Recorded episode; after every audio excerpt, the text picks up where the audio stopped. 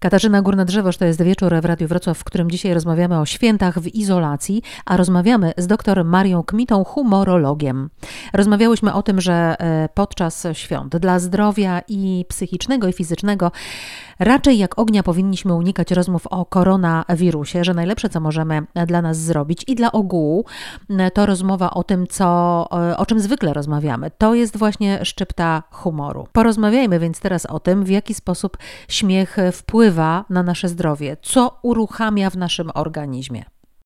To znaczy tak, e, proszę zapamiętać sobie jedną rzecz, że zawsze zdrowie psychiczne jest połączone w jakimś sensie z zdrowiem fizycznym, tak? Jeżeli my mamy dobry nastrój, nie jesteśmy zestresowani, czujemy się dobrze, mamy taką pozytywną, e, pozytywne nastawienie do życia ogólnie, to wszystko jakby za tym idzie prawda? To znaczy, że nawet jeżeli ktoś jest chory, ale ma pozytywne nastawienie do życia, no to łatwiej mu poddać się jakiejś terapii, leczeniu, ma nadzieję, że wyzdrowieje i to mu daje siłę i tak dalej, i tak dalej. Więc humor ma olbrzymie znaczenie e, dla zdrowia psychicznego i fizycznego, przez to też, że wpływa na zdrowie psychiczne. Natomiast stricte zdrowie fizyczne wygląda tak e, poprzez humor, że Humor jest trochę jak alkohol, wpływa na rozluźnienie naszych mięśni na przykład, tak? My śmiejąc się rozluźniamy nasze ciało, nie jest takie spięte, ale też e, wzmacnia to naszą odporność, e, obniża oczywiście poziom stresu e, i też sprawia, że mniej odczuwamy ból. To jest dosyć ciekawe. Robiono też takie eksperymenty właśnie, że człowiek, któremu opowiada się żarty, czy który ogląda śmieszne filmy, nie odczuwa aż tak bardzo bólu, jak gdyby tego nie robił.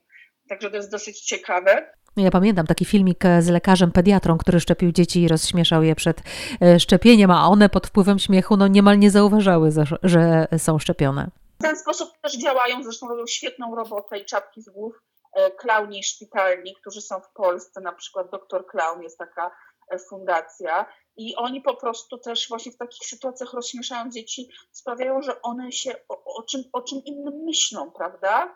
Ale też jak się człowiek śmieje, no to ta jakoś tak radość napływa do nas i wtedy nie zwracamy być może uwagi aż tak bardzo na ból, albo ten ból przestaje być taki straszny. Czytałam takie badania, które mówią o tym, że nie tylko wybuch głośnego śmiechu poprawia nam e, humor, ale również samo uśmiechanie się, ta mina e, poprawia zdrowie. E, czy pani się z tym również zgodzi? Zgadzam się w stu procentach.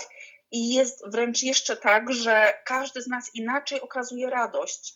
Dlatego kojarzenie śmiechoterapii tylko ze śmiechem e, jest też błędne, dlatego że ktoś może być bardzo rozradowany w środku, a nie pokazywać tego tak entuzjastycznie na zewnątrz.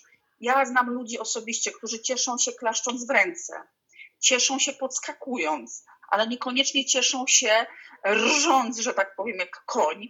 Każdy z nas w jakiś inny sposób to odczuwa, ale najważniejszy jest ten przypływ pozytywnych emocji to ja życzę przypływu optymizmu w te święta, ale nie mam żadnych wątpliwości, e, że pani ten przypływ mieć e, będzie. Zapraszam w takim razie na kanał Optymizja i mogę Państwu życzyć bajecznie jajecznych świąt i oczywiście bonjour. Alleluja, do widzenia.